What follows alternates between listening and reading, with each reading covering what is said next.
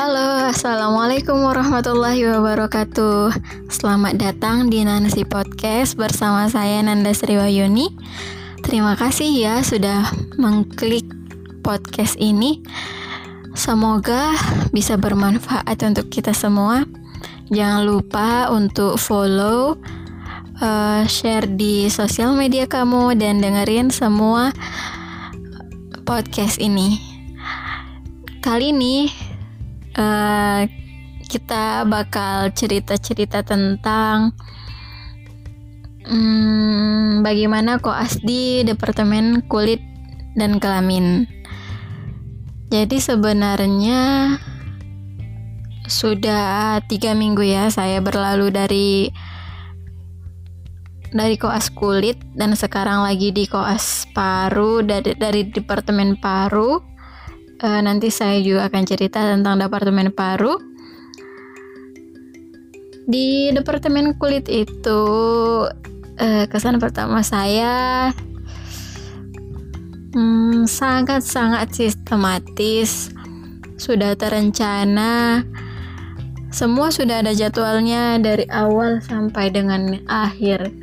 Dan menurut saya dari semua hmm, stase koas yang sudah saya lewati di stase kulit ini yang paling uh, paling buat uh, terkejut sih. Karena tekanannya juga agak agak tinggi dan saya juga sempat sakit di stase ini. Tapi nanti uh, waktu teman-teman baru gabung di koas kulit bakalan disuruh masuk di beberapa grup ada grup WA khusus dengan uh, koas dan PPDS-nya saja. Ada juga yang khusus dengan para dokter yang di mana di di situ kita akan absen absen pagi dan absen sore absen pagi waktu kami itu jam 7 pagi dan kita harus eh dan kita harus share log kemudian kirim foto selfie yang pakai uh, jas koas kan. Kemudian kirim kata-kata selamat pagi dok. Izin mengirimkan uh, alamat Sherlock saya. Seperti itu. Nanti dikasih formatnya juga. Dan juga uh, absen waktu sore. Sore itu sekitar pukul 4 ya. Kita juga absen sama kayak waktu absen pagi setiap hari Senin sampai Jumat tapi kalau misalnya dapat di Pringadi RS Pringadi uh, itu jadwalnya Senin sampai Sabtu. Jadi awalnya di minggu pertama itu ada BST BST itu bedside teaching di mana di minggu ini hari pertama di hari Senin kita bakalan pretest. Dan jangan harap bakal ada STL karena uh, kemarin saya juga berpikir bahwa uh, ujiannya bakalan sama dengan grup stase koas sebelumnya, tapi nyatanya tidak sama. Soalnya baru dan tergantung dosen uh, dosen apa ya dosen supervisor penanggung jawabnya waktu itu um, pretestnya itu pakai double folio. Kakak itu uh, kakak kak Michelle ya. Boleh nyebut nama nggak sih ini? Pokoknya kak kakak PPDS yang bertanggung jawab di kulit ini memberikan pertanyaan kemudian kita jawab. Di kertas double folio uh, waktunya itu ditentukan ya. Misalnya udah satu soal berapa menit gitu. Ada lima soal. Waktu itu kami juga ada lima soal disuruh menggambar penampang kulit juga uh, tentang ruam. Kalau masih pretest itu masih dasar-dasarnya seperti fungsi kulit jenis-jenis ruam misalnya apa pengertian uh, apa ya makula Kemudian setelah selesai kita foto, kita foto dan kita PDF kan. Pakai uh, apa? nggak direkomendasi lagi pakai cam scanner karena uh, itu PDF-nya agak jelek ya. Jadi sekarang pakai apa ya note bisa di download di Play Store sih. Hmm, apa ya?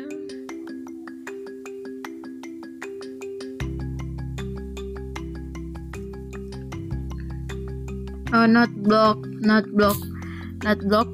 Kemudian install aja itu kan. Cara penggunaannya juga mudah. Tinggal kita foto. Fotonya berurutan. Baru setelah berurutan di save kita buat namanya formatnya. Misalnya saya Nanda Sriwayuni nimnya segini baru udah kirim ke WA dalam bentuk PDF sama kakak PBDS nya dan ditentuin waktunya karena setelah kita kirim itu bakalan dikirim ke uh, supervisor penanggung jawab dari ujian kita itu.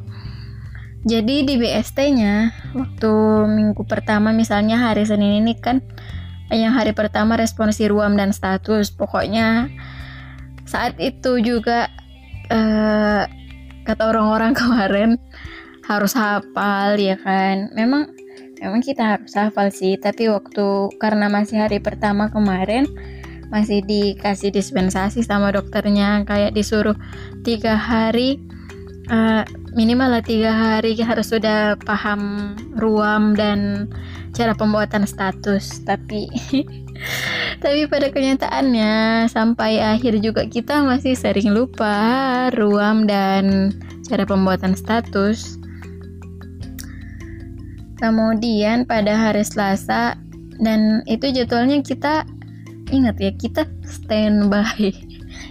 Dan ini uh, masalah standby inilah yang paling hmm, yang paling yang paling melelahkan.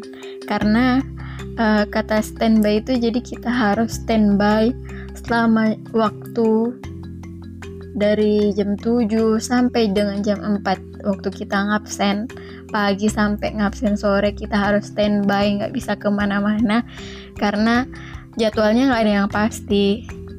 Uh, biasanya kakaknya jam-jam 6 pagi gitu kan ngirim status. Misalnya kita BST ini hari Selasa tentang tinea cruris kakak PPDS nya bakalan ngirim uh, kasus tentang tinea cruris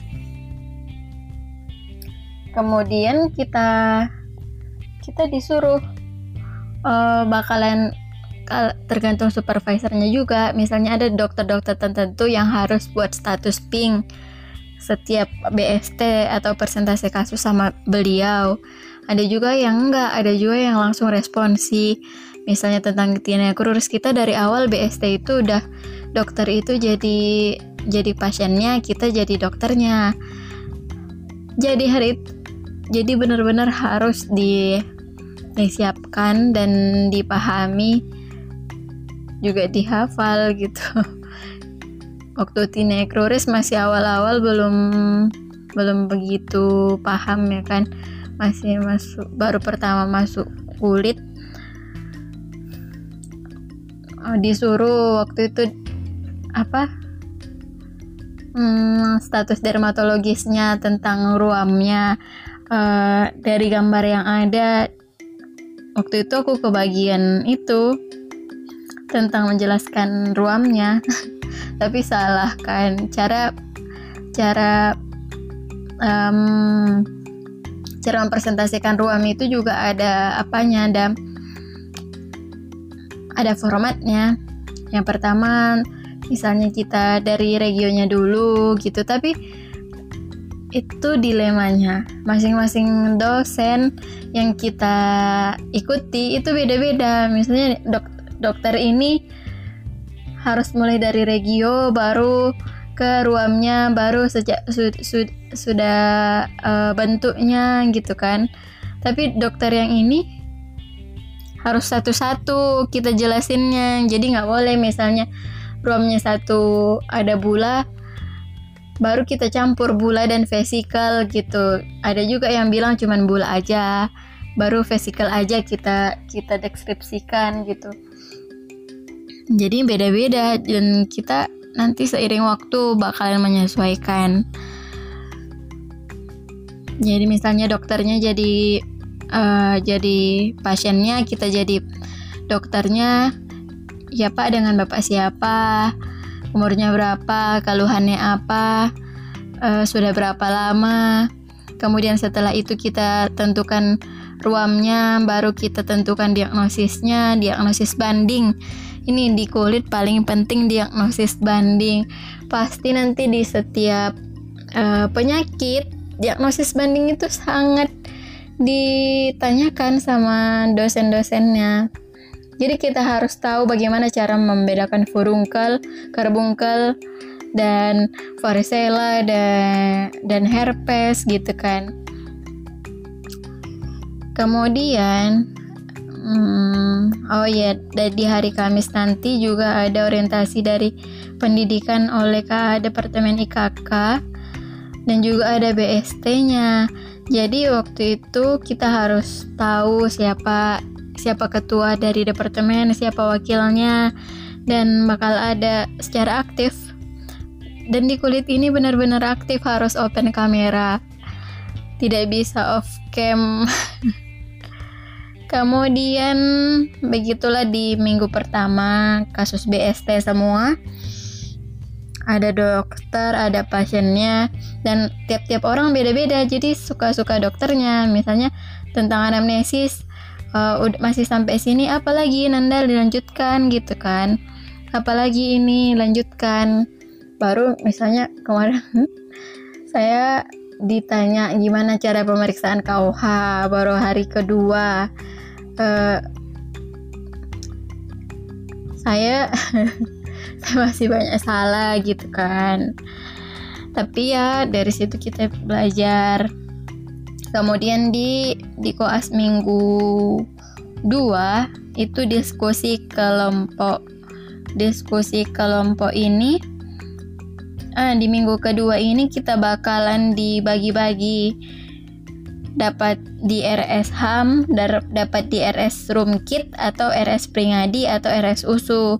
Jadi di minggu kedua ini kita dibagi lagi kelompoknya. Kita bukan sama kelompok koas kita yang pada awalnya tapi ini kita dibagi-bagi dipecah lagi sama beberapa orang nanti bakalan dibagi sama kakaknya dan di kelas ini kakak-kakak PBDS-nya baik-baik banget karena di setiap minggu misalnya kalau kita mau masuk hari Senin hari Minggunya sudah atau malam Seninnya kita dikasih pencerahan atau dikasih bimbingan bagaimana di minggu ini uh, akan dilakukan um, kegiatannya. Dan walaupun begitu kita masih terasa agak bingung-bingung ya dan di minggu dua ini jadi kita harus nyiapkan surat. Kemarin kakak kakak PBDS paling menekankan tentang mengurus surat ini. Misalnya kalau kita masuk di RS Pringadi atau RS Rumkit kita harus ngirim surat. Uh, sebelum paling lama hari Senin pagi udah kirim surat supaya masuk ke departemennya dan kita bisa dapat dokternya. Diskusi kelompok ini itu kayak nggak ada kasus tapi misalnya hari Senin tentang pioderma jadi semua pioderma itu harus kita hafal. Karena waktu itu saya dapat RS Pringadi. RS Pringadi itu saya benar-benar shock karena itu harus benar-benar hafal dan harus benar-benar paham. Karena karena semua dinilai di kulit semua dinilai. Waktu di RS Pringadi cuma ada dua dosen yaitu dokter IAL dan RES uh, dan dokter IAL dan semuanya harus paham lah ya. Hmm, ini juga sama kayak BST tapi di BST kan ada dokter ada pasien. Kalau diskusi kelompok nggak ada dokter nggak ada pasien. Jadi dokternya langsung bilang tentang pioderma. Apa apa itu pioderma? Apa penyebabnya apa klasifikasinya? Uh, klasifikasinya apa yang membedakan ini dengan ini? Apa diagnosis banding dari setiap penyakitnya? Sampai ke penata laksanaannya. Kemudian kalau di hari kalau di minggu ketiga presentasi kasus hmm, kita disuruh menyiapkan kasus pasien uh, minimal dua lah katanya. Tapi waktu itu saya cuma menyiapkan satu. Dan itu benar-benar hmm, mencari pasien. Saya jumpain pasien uh, tinea pedis tinea pedis ya saya benar-benar anamnesis pasien langsung dan itu merupakan pengalaman yang yang berharga sih untuk saya karena karena di masyarakat apalagi di daerah uh, pedesaan masih banyak sekali penyakit kulit yang orang itu hmm, nggak hmm, tahu dan tidak tahu bagaimana cara pencegahannya karena kebersihan di di sana juga masih kurang ya airnya juga masih banyak yang kotor kan karena banyak masih banyak kegiatan misalnya mencuci di sungai jadi banyak yang terkena masalah kulit, terutama tinea. Dan dari situ saya belajar bagaimana mendengarkan uh, keluhan pasien. Uh, saya juga sambil kasih obat uh, kepada adik tersebut. Dan rasanya senang sekali sih, langsung dapat pengalaman. Tapi walaupun pada akhirnya uh, kasus tersebut tidak pernah diminta dan tidak pernah dipresentasikan tapi uh, Kak PBDS tetap apa tetap bilang untuk membuat membuat presentasi kasus sendiri jaga-jaga kalau ada dokter yang minta uh, kita kasus sendiri jadi waktu waktu di RS kan di RS ganti-gantian ya kalau minggu satu kelompok satu, minggu dua kelompok dua, minggu tiga kelompok tiga, minggu empat kelompok empat. Kalau saya kelompok empat. Jadi selama tiga minggu saya online. Uh, minggu keempat baru masuk ke offline di RS susu. Offline-nya di RS susu kalau di kulit. Uh, di presentasi kasus ini juga kita pagi-pagi dikasih kasus. Misalnya tentang tumor kulit ini kasusnya. Itu kayak BST sih kayak BST tapi tempatnya aja beda. Misalnya waktu di minggu 2 saya di RS Pringadi minggu 3 saya di RS HAM minggu 4 saya di RS Susu hmm, jadi di minggu 3 ini juga kita harus ada persiapan mid test. Mid test RS Susu plus RS Pringadi mid testnya itu juga sama kayak pre-test. Uh, dan tidak ada tidak sama soalnya dengan kelompok-kelompok sebelumnya. Di mid test itu juga uh, pakai double folio pakai waktu dan kirim dalam bentuk uh, scan kepada kakak PPDS-nya kemudian di minggu 4 ada post test hmm, post testnya ini yang mem yang agak susah ya postesnya juga menantang. Karena di samping postes kita juga ada tetap presentasi kasus kita juga kalau saya pribadi di minggu keempat masuk RS presentasi kasus dan postes itu sangat kembut sekali. Belum lagi uh, dosen dosen misalnya dosen penguji postes kita sibuk-sibuk semua. Kemudian kalau waktu itu saya dapat dosen yang yang sibuk juga. Jadi sampai dua kali sampai dua hari uh, dua kali ya dua kali masuk zoom. Karena misalnya di pertemuan pertama belum selesai pertanyaannya belum selesai dari dok dari beliau. Kemudian di dilanjut ke di pertemuan kedua dan itu rasanya sangat gugup ya menjelang post tes ini teman-teman juga pasti tahu gimana rasanya. Kemudian oh di minggu keempat ini agak banyak kendor waktu presentasi kasusnya. Jadi uh, dokter-dokternya juga tidak sempat dan ada disuruh buat apa aja buat status pasien sama buat misalnya tentang creeping eruption kita buat tulisan mengenai creeping eruption dari awal sampai akhir sampai tata laksana baru dikirim. Itu pengganti tugas nggak masuknya. Dan kalau mengenai offline-nya kita satu minggu full di RS USU.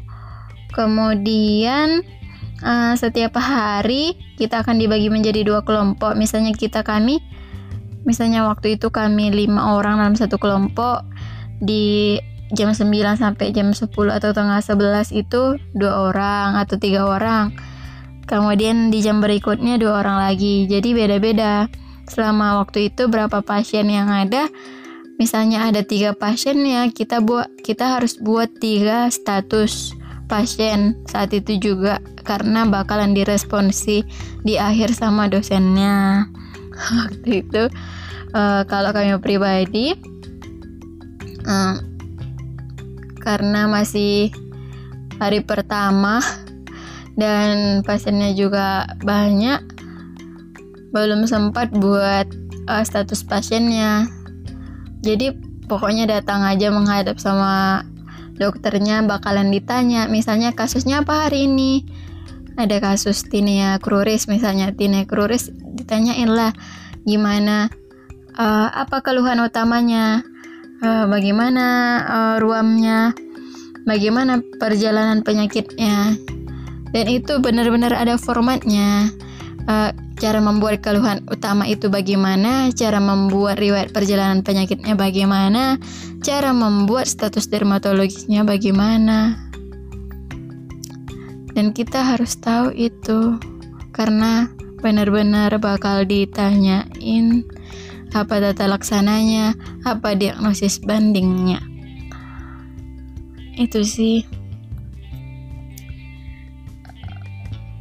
benar-benar full setiap hari ada masuk nggak ada yang nggak ada waktu libur kecuali libur nasional ya dan semua harus standby dari jam 7 sampai karena sewaktu-waktu uh, tidak ada batasan tidak ada hmm, misalnya dek masuk ya. Gitu. Kita harus masuk saat itu juga. Kita harus on cam dan nggak boleh di luar.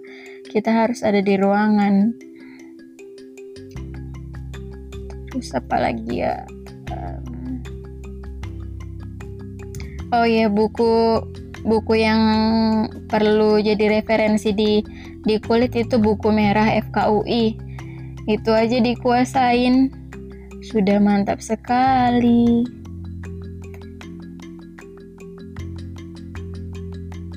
dan foto profil di WhatsApp juga harus diganti jadi pas foto itu juga. Ada berlaku sama beberapa divisi juga ya. Dan apa pun kegiatannya jangan lupa didokumentasi.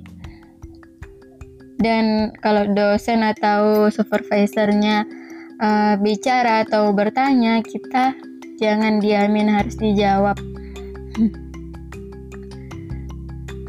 Pokoknya uh, paling diperhatikan itu koas offline waktu di minggu keempat karena bakalan bakalan dimarahin kalau kita nggak tahu apa-apa udah minggu keempat tapi nggak tahu apa-apa.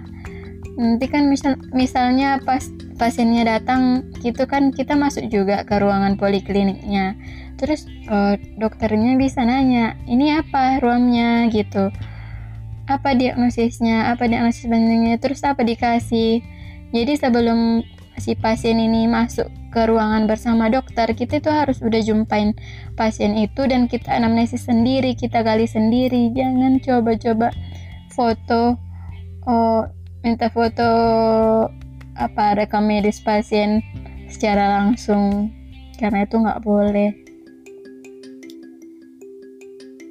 Dan status koas pasien eh, status koas itu harus di kertas warna pink. Hmm, jangan di kertas warna putih. Bisa juga dari referensinya uh, Perdowski, buku Fitzpatrick, tapi aku nggak baca sih buku Fitzpatrick itu. Paling paling banyak dari buku kulit merah dari slide-slide dosen dan dari Perdowski itu juga dari mini note. Hmm, itu aja sih. Semangat teman-teman. Semuanya maaf uh, podcast ini agak lama ya. Karena sambil berpikir juga karena ternyata setelah dilaluin stasa itu waktu menceritakannya kayak udah plong gitu nggak kayak waktu kita menghadapinya pas saat itu. Karena pas waktu saat itu terasa berat sekali gitu di kulit. Dan semua orang itu ngerasa kayak udah jadi master di kulit karena benar-benar harus menghafal. Dan saya saat jujur saja sampai saat ini masih banyak salah dalam pembuatan sta status dermatologisnya sering minta bantuan sama teman.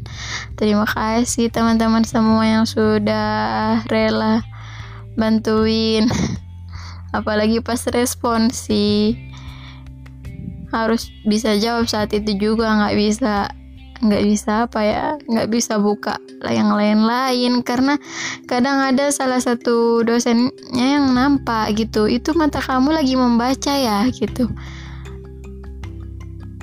Jadi dia tahu kita lagi membaca atau kita dan itulah. Kita kan rencananya nggak buat masalah kita harus baik-baik. Hmm sebenarnya sih di balik itu semua saya masih sempat pergi makan. Saya masih sempat ini buat podcast. Dilaluin saja. Dinikmatin saja. Stres kalau stres nggak bisa sih. Kalau udah stres pasti sam lambung naik gitu. Jadi tetap jaga kesehatan teman-teman semuanya. Terima kasih sudah mendengarkan podcast ini. Mohon maaf kalau agak gaje semoga bermanfaat. Assalamualaikum warahmatullahi wabarakatuh